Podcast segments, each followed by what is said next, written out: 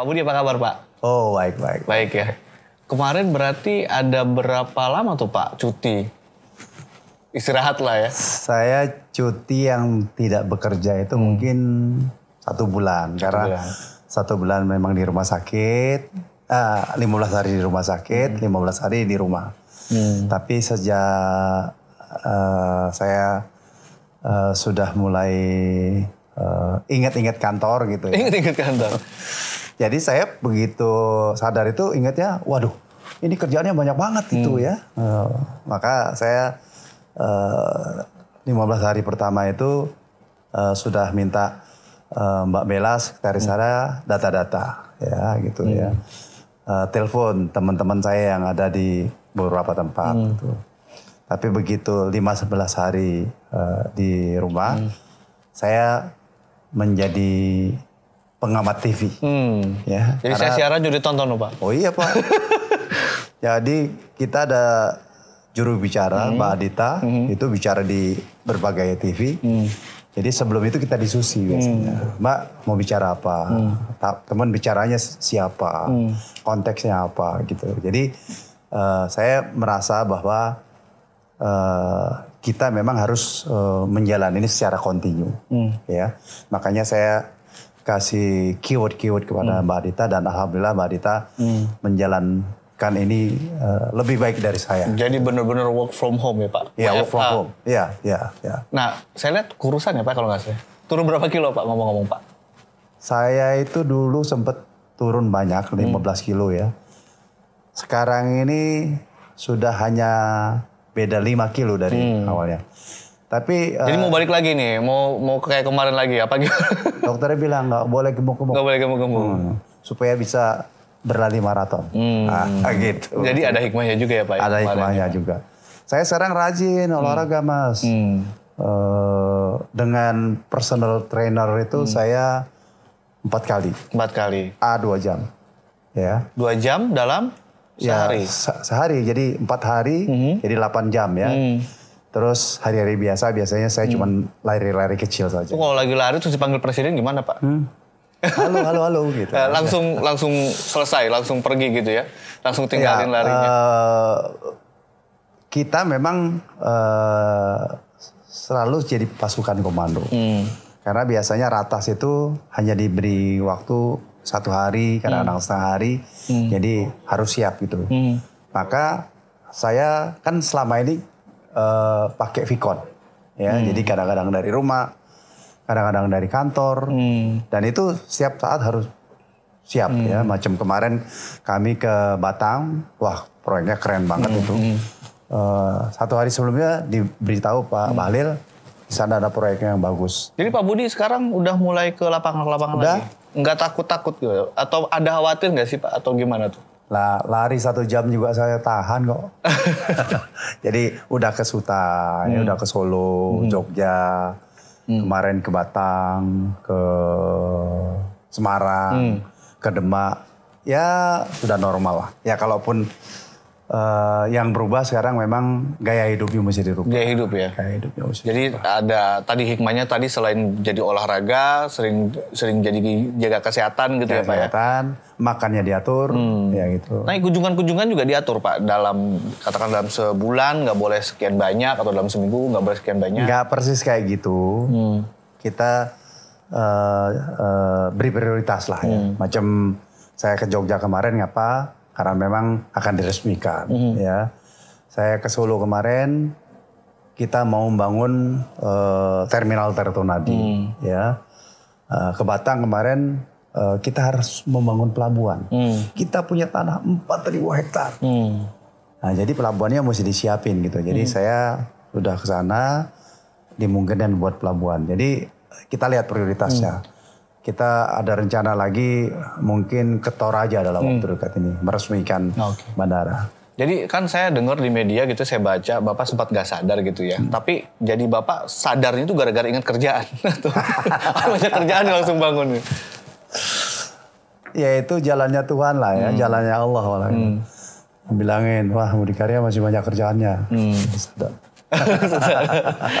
Pak, pelajaran penting apa sih Pak yang diambil oleh seorang Budi Karya dari apa ya yang kemarin itu sempat sakit lalu kemudian ke, uh, ini kan di era pandemi gini banyak juga kita nggak menutup kemungkinan mungkin ada keluarga kita yang kena atau mungkin Ya. kita sendiri atau sahabat kita teman kerja kita gitu Hmm. Uh, pelajaran paling penting apa yang di kemarin khususnya Pak Budi Kalau saya harus katakan jujur lifestyle Hmm. ya.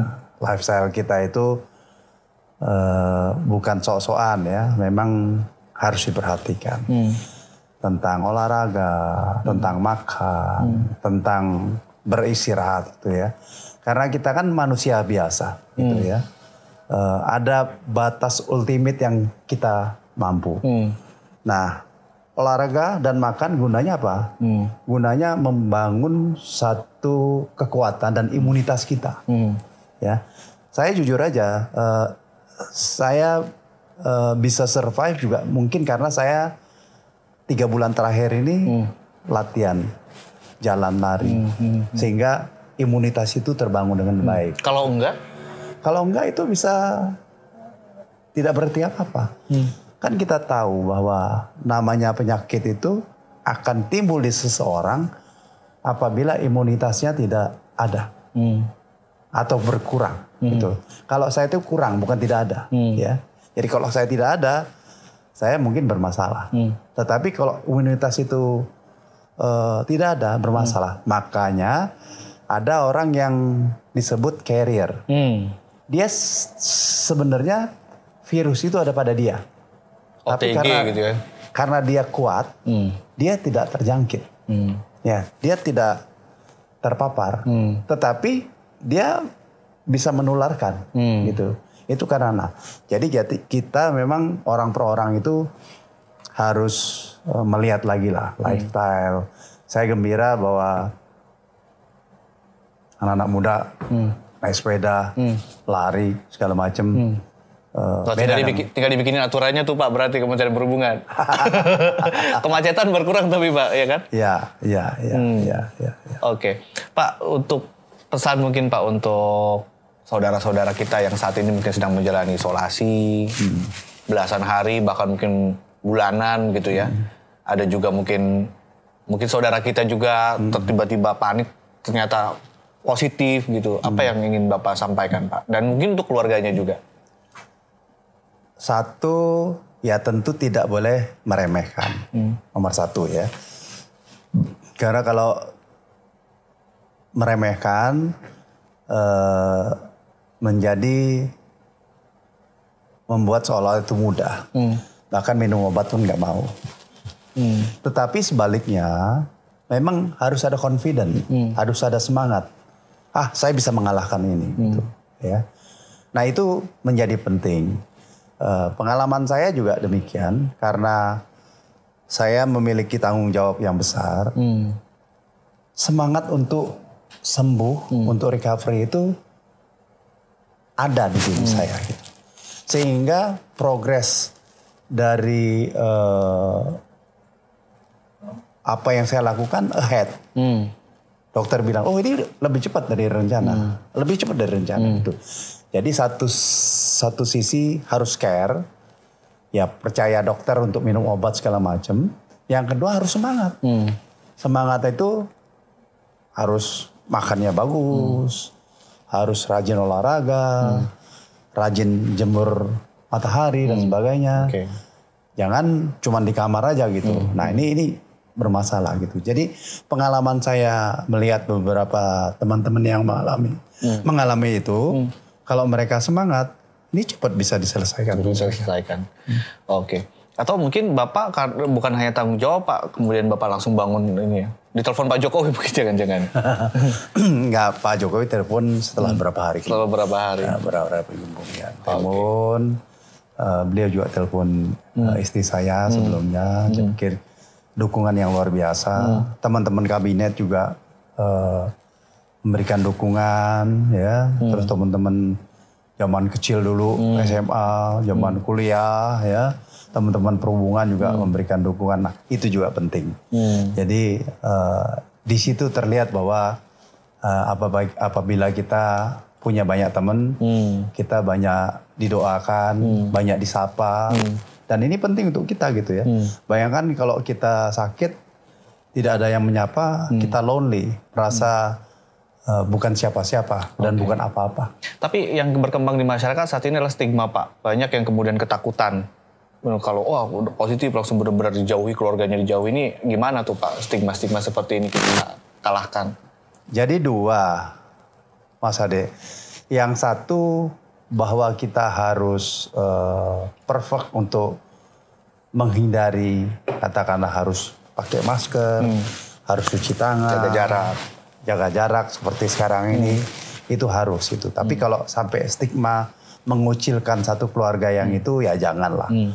Karena proporsional dilakukan bisa gitu pengalaman. Hmm. Karena uh, penularan itu terjadi karena kontak ya. Hmm. Bekas di sini ada hmm. masalah hmm. gitu, mungkin bisa terjadi gitu ya. Hmm. Jadi uh, stigma untuk mengucilkan jangan, hmm. tetapi bahwa kita concern katakanlah kita harus pakai masker atau pakai uh, pelindung hmm. muka hmm. Uh, itu apalagi di muka umum okay. bisa dilakukan. Okay. Gitu. Terakhir Pak mungkin penutup. Pak Jokowi kemarin minta ada kebijakan extraordinary. Kalau di Kementerian Bapak, di Kementerian Perhubungan kebijakan extraordinary apa Pak nanti? Saya memang uh, menangkap pesan itu bukan uh, itu saja, tetapi hmm.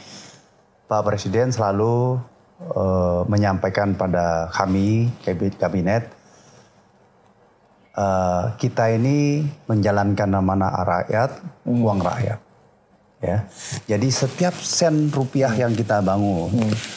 agar itu memang kita perhatikan secara profesional hmm. yang akhirnya berguna untuk masyarakat, bermanfaat. Oke. Okay. Jangan sampai ada lagi pelabuhan dibangun mangkrak hmm. atau bandara tidak berguna dan sebagainya. Hmm. Itu yang dilakukan. Makanya eh, kontrol-kontrol uh, kita kita lakukan. Yang kedua uh, kita upayakan agar pembangunan itu cepat dilakukan. Hmm, supaya ada spending ya pak. Ya, supaya ada spending. Masyarakat merasakan hmm. uh, pembangunan itu dan juga padat, padat karya gitu. Jadi hari-hari uh, uh, ini dan sejak uh, saya sadar hmm. nomor satu saya cek penyerapan. Hmm Ya, berapa penyerapan? Hmm. Alhamdulillah Kementerian Perhubungan adalah kementerian yang termasuk tinggi penyerapannya hmm. gitu. Okay. Alhamdulillah. Meskipun Bapak pemimpinnya sempat ya, sakit iya. di karantina, tapi penyerapan tetap jalan ya Pak. Ha, Pak saya cek pertama kali penyerapan berapa? Hmm. Oh kita di atas rata-rata. Hmm. Oke, okay. terima kasih. Saya waktu itu belum ngantor, tapi hmm. saya sudah sampaikan terima hmm. kasih pada. Nah yang kedua, cek proyek ini akan berguna apa enggak, hmm. gitu ya. Uh, makanya kita ke Sulawesi. Hmm melihat kereta api yang akan dibangun ini berguna nggak? Ternyata berguna sekali hmm. untuk mengangkut batu bara hmm. dan untuk mengangkut semen dari pabrik hmm. menuju ke pelabuhan. Okay. Ya, jadi itu yang selalu kita exercise. Makanya waktu uh, eh, STS ini uh, dibangun, saya hmm. bilang kemanfaatan untuk masyarakat apa? Oke. Okay. Selalu apa manfaatnya untuk masyarakat ya. itu ya? Baik, terima kasih Pak Budi. Masih. Selamat kembali bekerja dan bertugas kembali.